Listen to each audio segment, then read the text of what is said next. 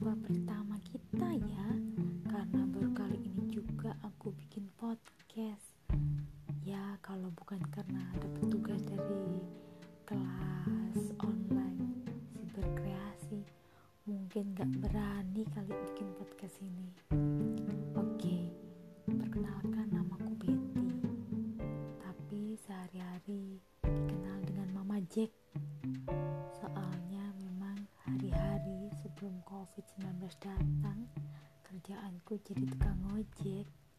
Nganter jemput sekolah nganter jemput les nganter jemput kebutuhan sehari-hari anak di rumah.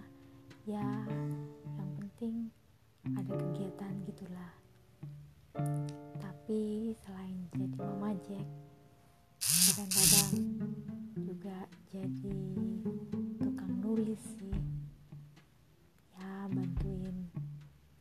kantor kalau ada laporan atau kalau pas lagi bikin artikel ya nulis sebisanya nulis sih. Makanya waktu disuruh bikin podcast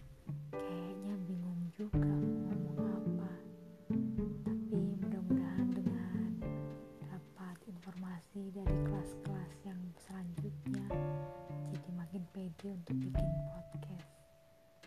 Oke gitu dulu ya perkenalannya.